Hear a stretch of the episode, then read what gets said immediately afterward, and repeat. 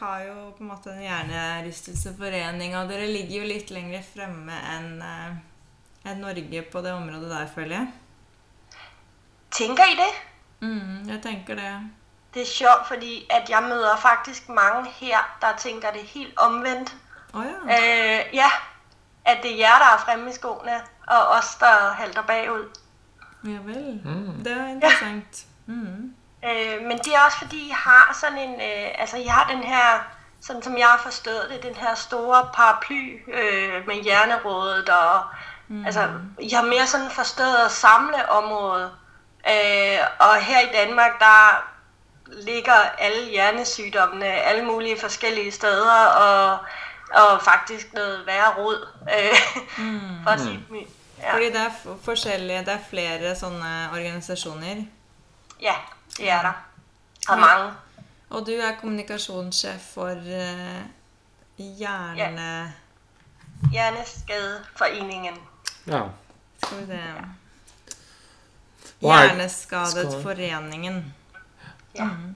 Hva er det deres eh, misjon er eh, der?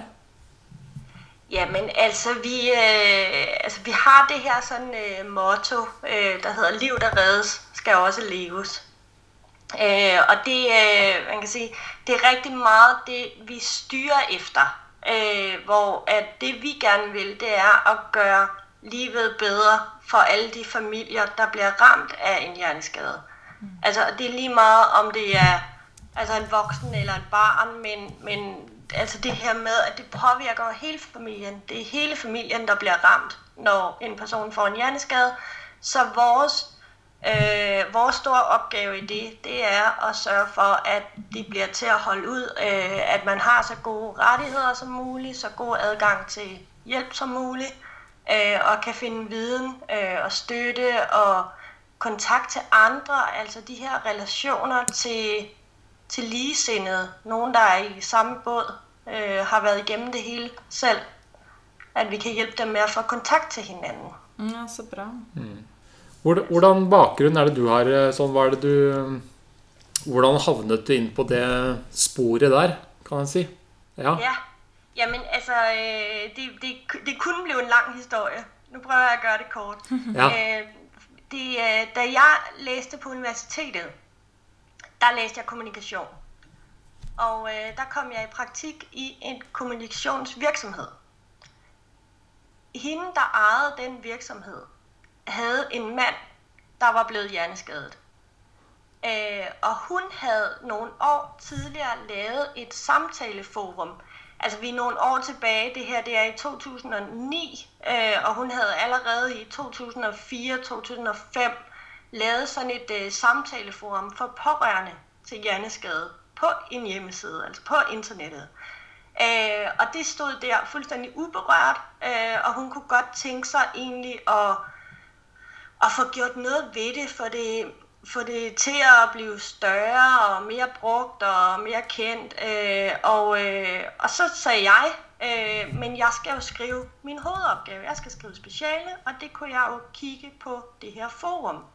Øh, og så begyndte jeg sådan set at sidde og læse hver eneste debatindlæg, der havde været i flere år igennem i det her forum for pårørende, øh, og lærte altså rigtig meget om hjerneskade og hvad det vil sige at være pårørende. Øh, og så skrev jeg min speciale om det, og så kom jeg aldrig ud af området igen. Mm-hmm. Så, så har jeg arbejdet med det lige siden. Ja, Så det var litt tilfeldig. Det var rigtig meget tilfældigt. Mm. Ja. Jeg ser jo at du er ganske nerdete. Når jeg så gjennom Facebook-profilen din og gjorde litt research, så ser jeg at du har sånn neglelakk med negler på. ja, det er rigtigt. Så det er Få veldig se. Få Det se. var fordi vi på et tidspunkt, så fandt vi jo på, øh, at vi i Danmark også gerne ville holde hjerneuge. Øh, den her internationale kampagneuge, uge 11. Ja.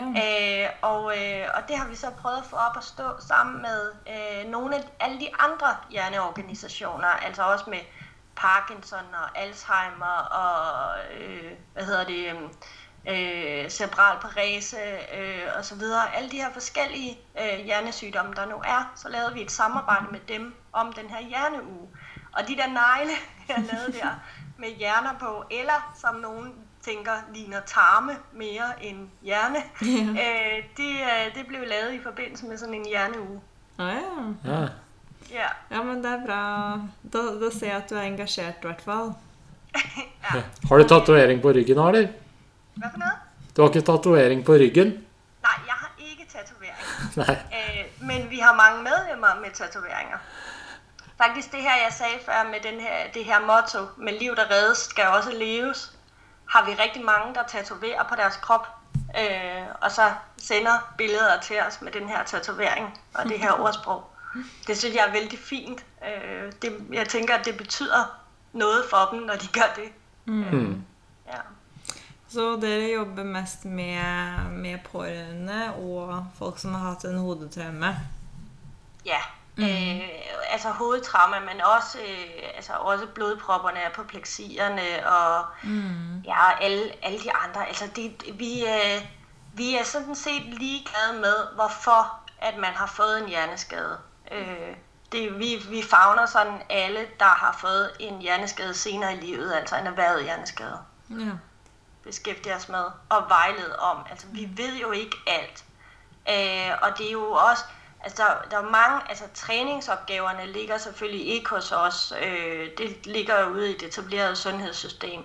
Øh, og, og sådan er det jo med mange af tingene. Det er jo ikke os, der udfører dem, men vi har måske et rigtig, rigtig godt overblik, øh, så vi ligesom kan være vejviser for folk, mm. når de skal finde ud af hele det her kæmpe system, hvor man får hjælp henne. Øh, og også, altså, øh, hvad for noget hjælp har man brug for, og, øh, og så rigtig meget det her med at lære sig selv at kende igen. Øh, hele den her nye situation, forstå hvad det handler om, øh, den her identitetsskabelse, som man typisk kommer ud i efter at have været ramt i hjernen. Mm.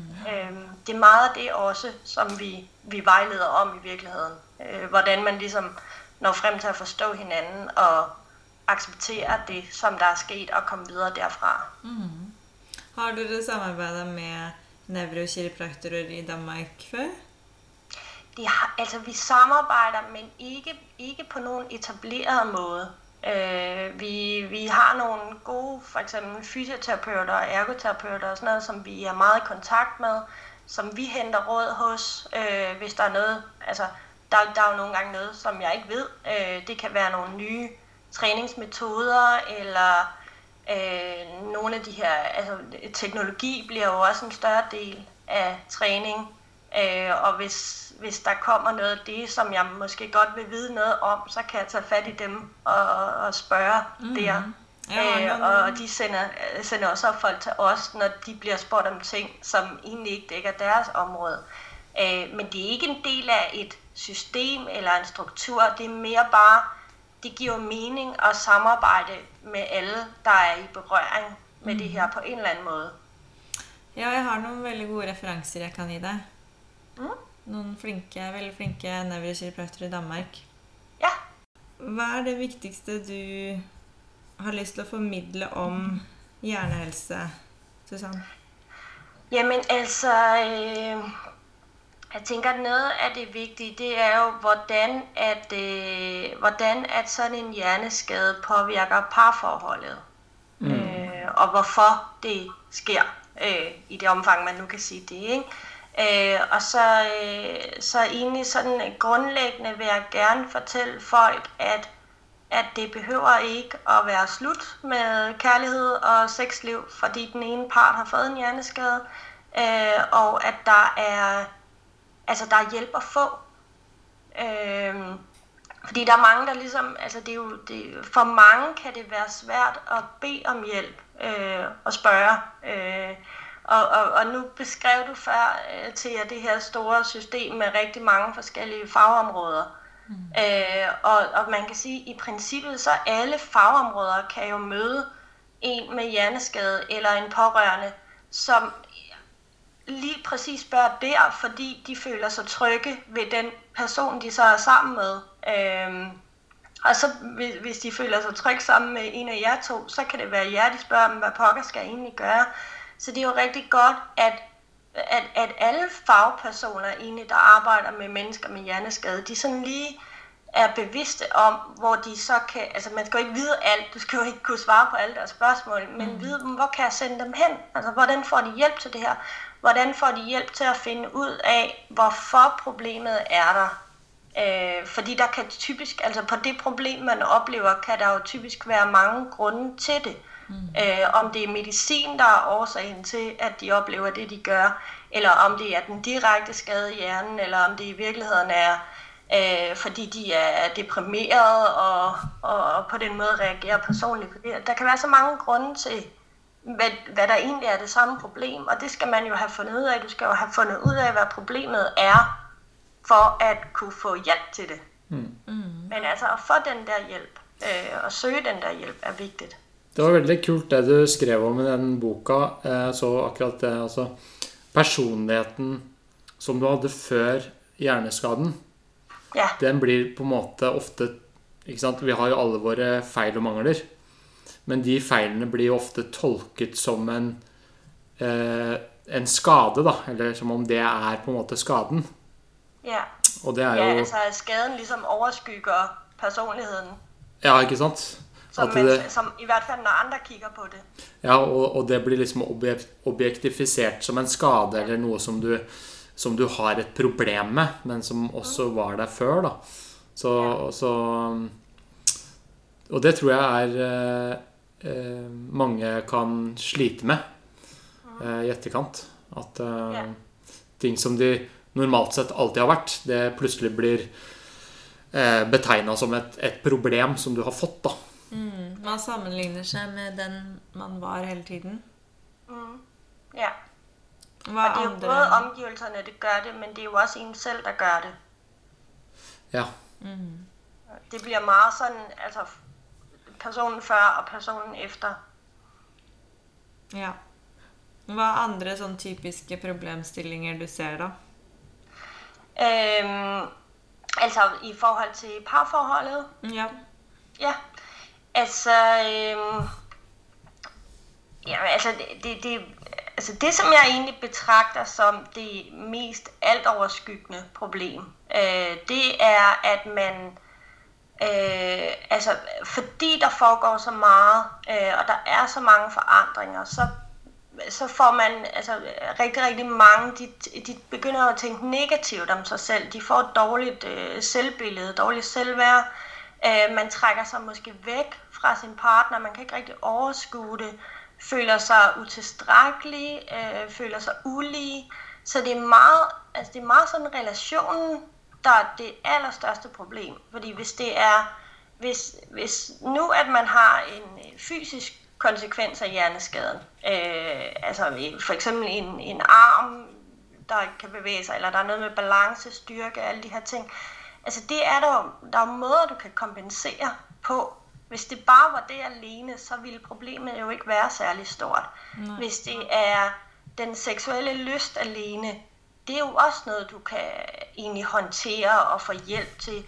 Men, men at det, det, altså det, det, der, det, der egentlig ødelægger allermest, det er jo den her følelsesmæssige relation til hinanden. Øh, og for partnerens vedkommende, altså den, der ikke har hjerneskaden, den pårørende, øh, de er jo også, altså de er jo bare udmattede. Øh, trætte, øh, har alt for meget at se til, alt for meget at forstå. Øh, og, og, og, det- og det der mm, som par med at nærme sig hinanden, altså være tætte på hinanden, øh, have den der intimitet, det er jo typisk den, der går i stykker. Mm. Øh, næsten lige meget, hvad, hvad, altså, hvad, i hvilken grad du er skadet på grund af det her. Mm. Øh, og det går jo ud over kærligheden, fordi man trækker sig jo, man trækker sig jo simpelthen længere og længere væk fra hinanden, fordi det bliver så svært. Mm. Øh, og så er det jo så, at når man ikke når man ikke oplever den her nærhed, så er det jo, altså så har man jo heller ikke lyst til at have sex med hinanden, for eksempel. Mm. Øh, altså det, det, har, det har vi jo ikke, hvis vi er, hvis vi er irriteret på vores partner, eller øh, ikke forstår, hvad der foregår, eller ikke føler, øh, at vedkommende er interesseret i os. Fordi, altså det er jo også en af tingene, det er, at, at, at din partner kan jo miste øh, evnen til at vise sin kærlighed, eller virke særlig empatisk eller interesseret i, det, i dig. Der kan være nogle kommunikationsvanskeligheder, der gør, at samtalen bare ikke er så dyb, som den plejede at være. Øh, og, og alle de her ting til sammen gør jo, at kærligheden bliver svær. Mm. Og uden, altså uden, uden intimiteten er der heller ikke noget sexliv. Øh, Nej. eller det er sjældent i hvert fald. Men hvis, vi, hvis jeg bare hadde hørt det du hadde sagt nå, og ikke hadde visst at vi hadde snakket om eh, hodetraumer, så kunne det jo vært hvilket som helst par som gikk gjennom en dårlig periode. Ja. Eller sånn, det handler jo om ja, kommunikasjon og lære å se hverandre på nytt og bevare Jamen, og det er jo faktisk også sådan, det er. Og så kan man sige, når der så er kommet en hjerneskade ind i billedet, så er der mange ting, der gør det sværere. Ja. ja, da blir man jo Eh, ja. veldig konfrontert med det. Ja, Og så må det være ekstremt vanskelig hvis man har gått gjennom en, en hjerneskade, eh, og så Man må jo nesten regne med at parforholdet kommer til å være på prøve eh, etterpå. Ja, Eh, for det det gør jo det. Men vi ser jo også, øhm, altså vi ser jo også parforhold, der bliver stærkere Ja. af det her forløb. Ikke? Øhm, øh, vi ser nogen, der har været meget, meget tæt på at gå fra hinanden, som nu, når det lige pludselig bliver kritisk, så bliver de, de bliver ikke på grund af pligt, men de bliver, fordi det lige pludselig går op for dem, hvad de er ved at miste. Øh, og så gør de, altså så kæmper de jo for at få det her forhold i gang igen. Så det er jo ikke sådan, at hjerneskaden i sig selv er en dødsdom mod forholdet. Den gør bare forholdet sværere. Øh, den gør kommunikationen sværere. Man kan sige, noget af det, noget af det rigtig meget almindelige er jo også den her hjernetræthed, øh, mm. som de oplever, og, og mangel på koncentration. Øh, og igen i forhold til øh, altså livet sammen, hvis det for eksempel er sexlivet, så altså, hvis du bliver enormt nemt distraheret, øh, så er det med at gennemføre et samleje for eksempel, bliver jo også super svært, fordi at der skal bare ikke noget til. Det er en forkert berøring, eller en lyd uden for vinduet, eller du kommer i tanke om noget, du har glemt, eller der er vasketøj i hjørnet, et eller andet, og så skal man bare altså starte forfra, eller opgive det helt, eller sådan noget, fordi at, at koncentrationen ødelægger det, altså intimiteten i virkeligheden. Ja. Så, så, så det er rigtigt, hvad du ligesom peger ud til, at i virkeligheden er det banalt, fordi det er sådan, altså helt generelt, det er sådan, det er med kærlighed og parforhold. Øh, men så, når der kommer der lige den her hjerneskade oveni, der bare gør, at alting bliver meget sværere, end det plejede at være. Mm. Ja, man ser jo det på traumer som ikke er nødvendigvis hjerneskader heller, men bare eh, ikke sant, migrener eller hodepiner eller, eller andre ting som gjør at eh, partneren er litt eh, nede en periode. Og det er jo en test for forholdet i seg selv, for det er mange som eh, som, som begynner å, å på en måte ja, tvile på partneren sin da, hvis helsa begynner å gå dårlig. Så det er jo for så vidt også en veldig sånn test for forholdet. Ja. Det, men eh, det er klart at det, Ja, det er som du sier, at noen forandrer seg jo eh, drastisk etter en, en eh, hele personene og identiteten, og, og, og det er ikke den samme som før. Man kan jo få det- ja, personlighetsforandringer og Ja. Og det betyder jo også noget for partneren. Øh, og, det, og det er jo også altså, det er jo et- et spørgsmål, vi egentlig relativt tit støder på. Det er, altså, skal jeg, skal jeg stadig elske den her person, som jeg ikke kan genkende længere? Mm. Øh, og der er vi selvfølgelig ud over noget andet end, end de generelle gode råd til at, øh, at blive mere intime og, og nær, nærme sig hinanden. Fordi det er jo... Øh, Altså, det er jo en ny person, du skal lære at kende, øh, og, og det er måske en person, som du ikke længere deler de samme interesser med, eller kan gøre de samme ting sammen med. Det er måske en, du ikke engang særlig godt kan lide, øh, i hvert fald i lang tid, fordi der jo også er den for mange ret lange periode, hvor man kæmper med at finde sig selv, og, og der er meget vrede og frustration og alle mulige andre ting. Så, det, så, så du, altså, ja, du står bare med en person, der har forandret sig mm. markant, eller kan gøre det i hvert fald. Øhm, og en, altså udover det, så er der jo også den her øh, ret væsentlige ting med, øh, med de nye roller, der kommer ind i et forhold, øh, hvor partneren lige pludselig skal være mange flere ting mm. end, end partner, en øh, omsorgsperson Hvad for noget? Kanskje en omsorgsperson. Ja, det, det vil der jo være nogen, der skal mm. være. Mm. Øh, og det giver jo en, øh, altså det giver jo et enormt ulige forhold. Mm. Øh, og ligeværdigheden er jo ret afgørende også for, hvordan vi har det med vores partner. Måske, altså, altså de, de fleste forhold er jo ikke altså 100% lige, men så har man fundet den balance, der passer til, hvordan man er sammen som par. Og den kan jo blive fuldstændig skæv. Det kan, jo, det kan, det kan jo sagtens være, at, øh, at selvom at de ikke var helt lige forvejen øh, bevidst og har valgt at leve sådan, så bliver der vendt fuldstændig op og ned på det, så det er den anden, mm. der lige pludselig skal bestemme alting og tage initiativ til mm. alting. Og hvis det aldrig har været sådan, så er det jo en kæmpe, kæmpe omvendling, øh, som man jo... Altså, ja. Men jeg det bliver også ulige, hvis øh, kommunikationen er gået, altså hvis, hvis nu sproget er gået meget i stykker for eksempel. Det der med, at man ikke kan have samtaler på samme niveau, øh, hvor den ene hele tiden skal være den, der finder på noget at sige. Øh, ja. Og det bliver, altså det kan meget nemt blive, altså sådan, altså nærmest som når voksne taler til børn. Og, og det, det er jo sådan, man prøver virkelig hårdt at ikke tale sådan øh, og prøve at gøre det lige, men når du gang på gang skal spørge på en måde, så vedkommende måske bare skal sige ja eller nej, eller der, der er jo ingen dybde i sådan en samtale. Mm. Øh, og det gør det jo også utrolig ulige. Øh, det gør det også ulige, hvis du hele tiden skal minde din partner om ting, fordi vedkommende ikke kan huske det. Øh, mm. Altså, det, ja, det bliver igen det der med, nu skal du huske at tage din madpakke med i skolen. Mm. Altså, ikke? Det er jo ikke så altså, Det må jo være Men det var jo ganske sånn tungt for partnere òg, som, som er eh, Som ikke er rammet av hjerneskade, men, men, som på en måte må drøfte den Om de skal ta vare på seg sjøl og, og, Eller om de Og forlate forhold, da. Eller om de skal, skal bli der.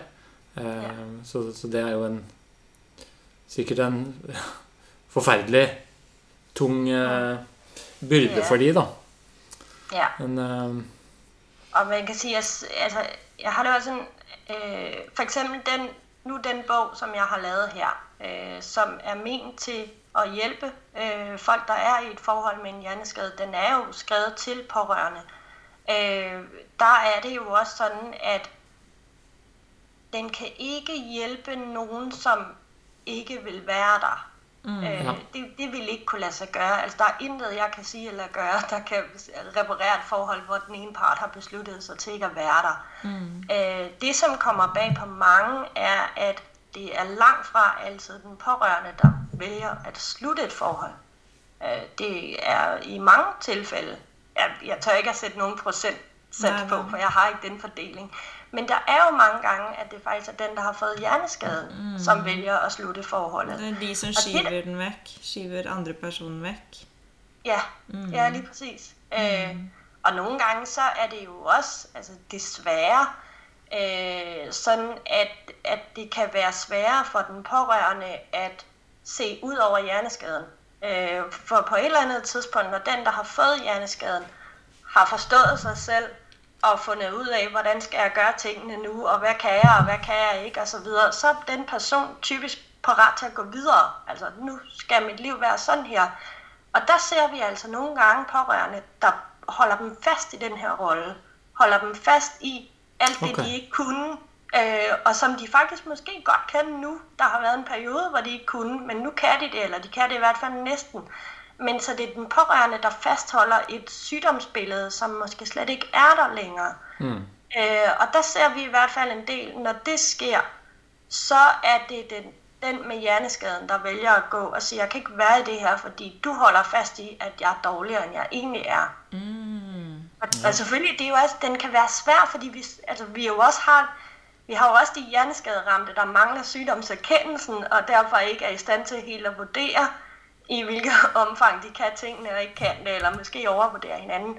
Øh, og de findes selvfølgelig også, og de pårørende vil jo i mange af de her tilfælde jo sige, at det nok var det, der var galt. Men man kan jo se, at når den ramte kommer ud på egne ben og skal fungere uden sin partner, så er de jo slet ikke så, altså, så syge eller så dårlige fungerende, som det blev gjort til det parforhold, de var i. Og så går de ud af det selvfølgelig. Mm. Ja. Og så lurer jeg på en ting. Eh, mm, fordi at det kommer jo an på alvorlighetsgraden av hjerneskaden. Men opplever dere, eller du, da, at eh, fordi først når man får en hjerneskade, så må man jo kanskje finne ut av ting sånn som du sa, sånn hvor er, hvor er jeg, hva kan jeg, hva kan jeg ikke, hva kan trenes opp, hva kan ikke, hvordan er det nye livet mitt, og akseptere alt det der. Og så men, men opplever du at folk veldig tidlig i prosessen em, er bekymra for sexen og kjærligheten, eller kommer det i annen rekke etter at på en måte funksjonsnivået er satt, og alt det praktiske er eh, etablert? Ja, altså jeg oplever begge dele. Øh, jeg oplever mange, for hvem det er meget tidligt, at noget de tænker på. Øh, men fordi de ikke bliver spurgt om det, øh, hverken på sygehuset, hos lægen bagefter, der hvor der er genoptræning, at der ikke er rigtig nogen, der nævner det, eller gør dem opmærksom på, at du skal lige vide, at du kan risikere, at der er sket sådan og sådan, eller du kan føle sådan og sådan, øh, så føler de, at, at de må være de eneste i verden, der har de her problemer. Når der ikke er nogen, der taler om det, så er det nok bare mig, der har problemet, og ikke nogen andre. Øh, der er mange, der har beskrevet det for mig som, at de føler, at det er, øh, at også at fagpersoner betragter det som forkælet eller et luksusproblem, mm. at de overhovedet bekymrer sig om seksualiteten, fordi der er så mange andre ting, du skal tænke på lige nu. Mm. Øh, så, så mange har egentlig oplevet det som noget, de tænkte på tidligt, men så selv har skubbet væk, fordi at der var jo ikke rigtig nogen, der talte med dem om det, øh, og så må vi jo finde ud af tingene selv. Mm. Men jeg har også mange, for hvem, øh, og det, det er typisk dem, der er ret hårdt ramte. Øh, mm. De siger, når man der er dine tanker overhovedet ikke der i mm. lang, lang, lang tid. Og det er jo, altså hvis man er meget, altså kommet meget fysisk til skade, hvis din, hvis din partner har en lang periode, hvor de øh, er ikke særlig mobile, måske er nødt til at bruge blæ, øh, måske ikke kan spise selv, altså kommer helt ned på det her, mm. øh, skal have hjælp til alting. Mm. Der er dine tanker om, hvad sker der med mit sexliv, de kan godt være helt utrolig langt væk på det her tidspunkt. Så jeg oplever egentlig begge dele, og det er en af de, altså det er en af grundene til, at jeg rigtig godt kunne tænke mig, at man havde det sådan, at man altid lige husker at om ikke andet lige spørge. Det kan godt være, at man ikke skal grave i det, når, hvis man står med en person, som man lige er blevet pårørende eller ramt, eller nu er der gået et par måneder eller sådan noget. Men at man bare lige, bare lige siger til dem, du skal vide, at det kan godt være, at du oplever noget, der forandrer sig med det, og så skal du komme tilbage og spørge os, eller, altså, så, man, så man ved, at man ikke er alene om det her. Mm. Øh, det er der rigtig, rigtig mange, der har gjort, og stået i situationen og tænkt, nå, jamen det, det må jeg også bare selv finde ud af. Og man behøver ikke selv at finde ud af det. Nej. Ikke det hele i hvert fald. Mm. Så det er eh, sex Det kommer litt sånn Først så må de få Det kommer ofte litt i annen rekke, holdt på å si. Altså, de bliver det næsten nødt til, fordi ja. at det er jo også rigtigt, at der er bare hold op, hvor er der bare meget, man skal finde ud af lige pludselig. Ikke? Altså med, og, og med genoptræning, og hvilke muligheder der er, og hvordan bliver vores nye liv. Har man børn sammen, så er der jo en hel masse i forhold til det. Øh, der er alle mulige praktiske ting i hjemmet osv. Så, videre. så det er jo ikke mærkeligt, det er jo ikke mærkeligt, at der går nogen tid, før man øh, begynder at bekymre sig om lige præcis den del. Er det forskel på mænd og kvinder der? Øh, marginalt, vil jeg sige. Ja. Der, altså man kan godt, hvis du sådan helt generelt går ind og kigger på det, altså sådan virkelig generaliserer, så kan du godt se, øh, der er for eksempel med det her med, at det er sværere for mændene at tale om det, end det er for kvinderne. Øh, men det er marginalt. Du kan også godt pege på øh, nogle problemer, der er større hos det ene køn frem for det andet, eller man betragter som større. Øh, hvor at for mændene fylder det her med deres øh, evne til at præstere øh, og deres sexliv kan fylde rigtig, rigtig, eller, eller øh, sexlyst kan fylde rigtig, rigtig meget. Og hos kvinderne, der er noget af det, som gør det næsten umuligt at begynde at have sex med partneren, det er, hvis de ikke føler sig elsket, ikke føler, at kommunikationen er der. Altså det er meget sådan Ja. følelsesmæssigt. Mm. Men det er meget generelt, fordi altså, i det store billede, så er forskellen faktisk ikke ret stor. Nei. Og hva er de Hvis du skal gi noen sånne generelle tips da, til å bevare nærhet og Altså, må alle gå i terapi, eller er det Alle bør jo lese boka di, men Ja, Men er det sånn generelle tips du kan gi i forhold til hvordan, hvordan man bør tenke eller observere det hele? Jeg tænker, at man skal i hvert fald først gøre sig klart, at man, man vil det. Fordi det er også, altså det kan meget, altså det er også hårdt arbejde. Øh, det er jo ikke noget, der, der bare kommer af sig selv, hvis det er gået galt. Hvis det er gået i stykker, og man skal finde hinanden igen. Øh, man skal... Jeg ved ikke, om, om det giver mening på norsk det her, men man skal bide i det sure æble. Altså man skal virkelig øh, Jo. tage sig sammen til at have samtalerne. Altså tage de svære samtaler med sin partner. Øh, og man kan sige, der hvor at partneren så er ramt på kommunikationen, så skal der måske noget hjælp ind over der.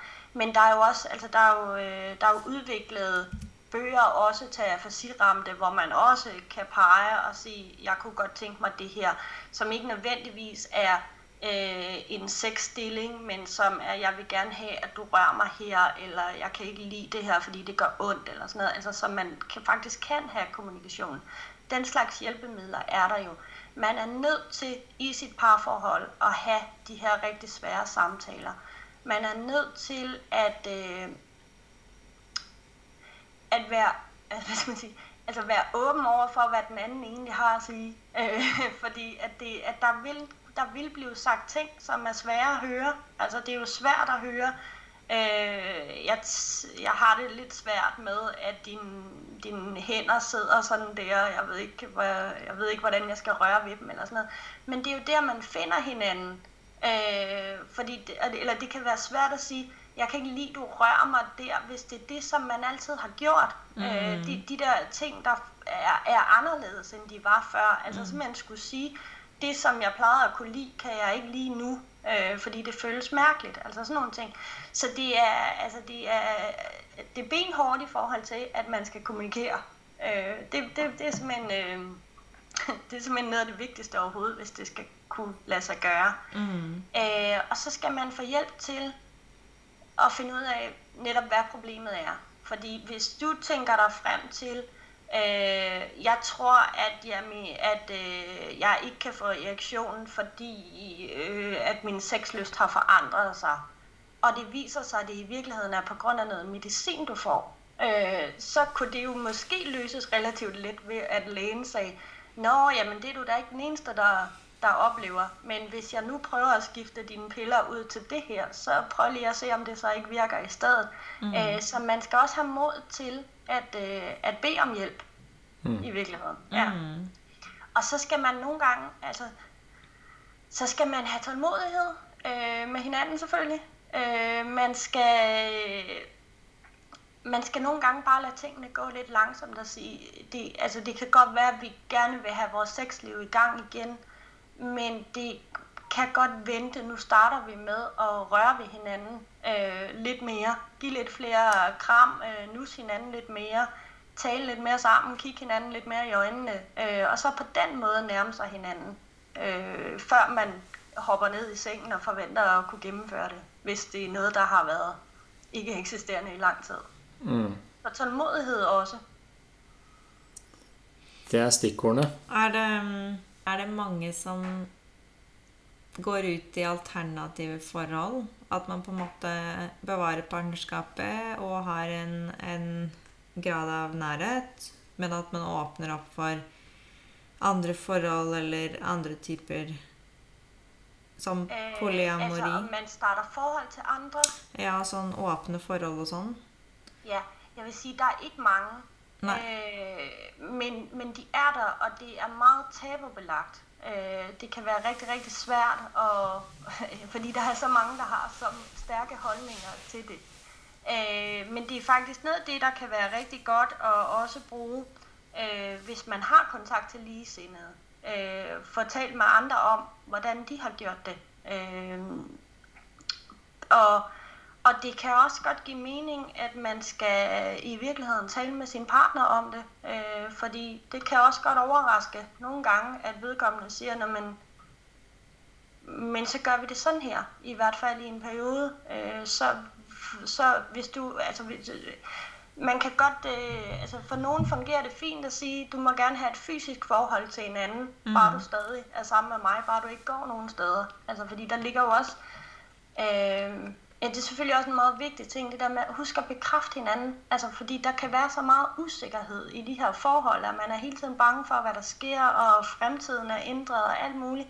Så nogle gange også i sit forhold, bare husk at sige, øh, altså det, det er svært for os, men jeg går ingen steder. Altså, jeg har mm. faktisk tænkt mig at være hos dig, også når jeg nogle gange er sur på dig, eller kommer til at råbe af dig, eller hvad det nu er. Jeg har tænkt mig at blive. Altså bare det at få det at vide, mm. kan simpelthen være sådan stor en byrde, der letter fra skulderen, øh, at, at det hjælper øh, til, at man har det bedre. Men altså, det, det sker, at øh, det sker, selvfølgelig gør det det, selvfølgelig sker det, at nogen gør andre ting, øh, men men det er noget, man skal være meget, meget varsom med at anbefale. Øh, fordi der er så stor forskel på, hvordan folk de ser på den slags. Mm. Det er min opfatning at øh, dansker er mer liberale når det, å snakke om og tale om sex. At vi, vi simpelthen øh, gør det mere. Ja. Dere gjør det ja. mer, ja. Sikkert.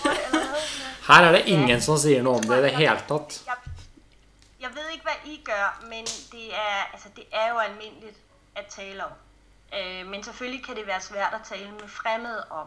Mm. Øh, og nu sagde jeg det her tidligere med, at man skulle øh, som fagperson for eksempel huske at spørge folk, øh, eller gøre dem opmærksom på, eller sige, eller jamen, man kan faktisk godt spørge, man kan godt sige, hvordan går det egentlig, øh, hvordan går det med jeres forhold, er I begyndt at have sex igen? Det kan man jo faktisk godt spørge om, ikke? Øh, men jeg kan jo også godt, altså jeg møder jo også nogen, og jeg har også gjort det i arbejdet med bogen, hvor jeg har interviewet rigtig mange mennesker. Øh, så en gang imellem, der møder jeg også dem, der siger, det er der med ikke nogen, der skal spørge mig om. Altså, det er da alt for privat. Det vil jeg da ikke, det vil jeg da ikke høre, og jeg vil da ikke tale med dig om det. Øh, og, og der vil jeg sige, jeg synes faktisk stadig, det er værd at spørge, men selvfølgelig spørge på en måde, at hvis folk de siger, det vil jeg ikke tale om, så siger man, okay, men så skal du ikke tale med mig om det, du skal bare vide, at det kan være, at du får brug for at tale med nogen om det på et tidspunkt, og så lukke den ned der. Ja. Men de fleste, altså jeg oplever i hvert fald, at de fleste vil gerne tale om det, fordi ja. det er jo bare så det er så essentielt, det er så vigtigt i dit forhold. Mm. Øh, det er jo en altså, naturlig greie. I hvert fald. Men hvordan var, var oppveksten din rundt dette, Susann? Hadde du en åpen dialog med dine foreldre, for eksempel? Sånn Nej. Nej. Nej. Jeg tror ikke, altså da jeg voksede op, der var det ikke ret almindeligt at tale med forældre ja. om den slags. Jeg oplever, at det er mere almindeligt i dag. Altså nu har jeg selv en, en teenage datter, og altså, hun er kun 13, så det er ikke fordi, vi har taget rigtig meget hul på det. Men, men jeg fornemmer, at hun tager det som en selvfølge, at det kommer hun selvfølgelig til at snakke med os om og spørge os til råd om. Øh, og sådan havde jeg det ikke med Nej. mine forældre. Mm. Øh, jeg tror, for mit vedkommende og, og mine jævnaldrende, der har det været altså i højere grad noget, man finder ud af blandt sine jævnaldrende, end noget, man brugte sine forældre til. Mm. Hvad med dig, Mats? Hvad med mig? Nej, jeg har vært full åpenhet. Nei. Nei, det har ikke vært sånn Altså jeg tror det er mer venner og kompiser og sånt, altså. Som, eh, og vi kan, kan ikke skryte på meg sånn altfor opp, mye åpenhet. Ja. Men du gjør i hvert fall en veldig, veldig mm, viktig jobb. Ja. For det er et tema som um, blir lite diskutert da, rundt hjerneskader. Mm. Ja. Så takk for at du stiller opp. Og... Selvfølgelig.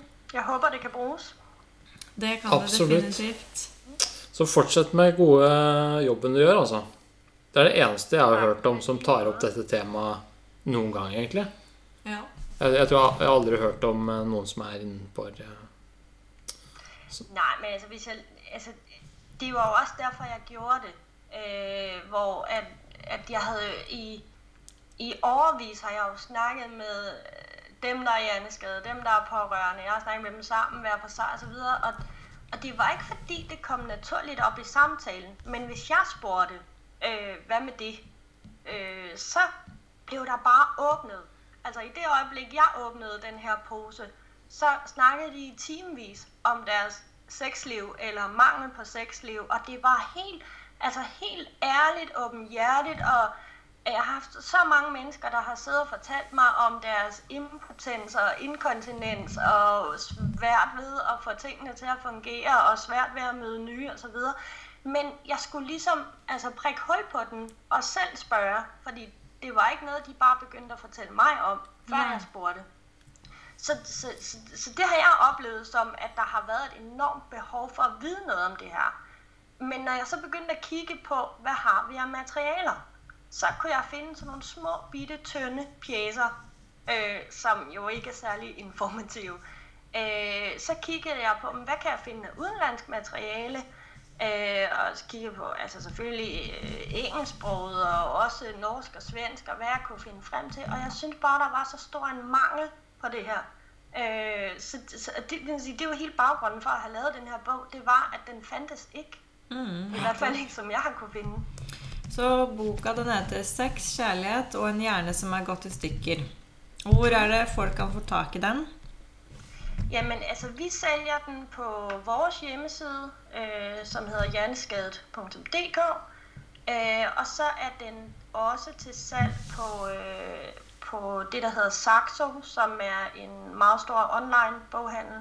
Øh, det er sådan lige umiddelbart de to steder, som at man kan købe den. Mm. Og der kan, vi, der kan man godt bestille og få sendt til Norge også. Ja, så bra. Og hvis noen har lyst til å ta kontakt med deg, Mm. kan du dele kontaktinformasjon? Det kan jeg godt. Altså, jeg kan træffes på en e-mail, der hedder Susan, Mm. og så snabelag. det er jo lidt svært, men hjerneskadeforeningen.dk Ja. Eh, Susanne ja. med én N og én S. Ja. Vi kan, vi kan skrive det ned. ja, skal um, I gøre det? Altså, hvis I kan lægge det ud, det må I gerne. Det skal vi gjøre. Og ellers så er mit navn, man kan også finde, altså kan man finde mig på Facebook eller øh, google så frem til mig, så er der kontaktoplysninger. Det må I gerne. Så gøy. Ja. Takk for at du stilte opp. Jamen selv tak. Det takk veldig for det. hyggeligt.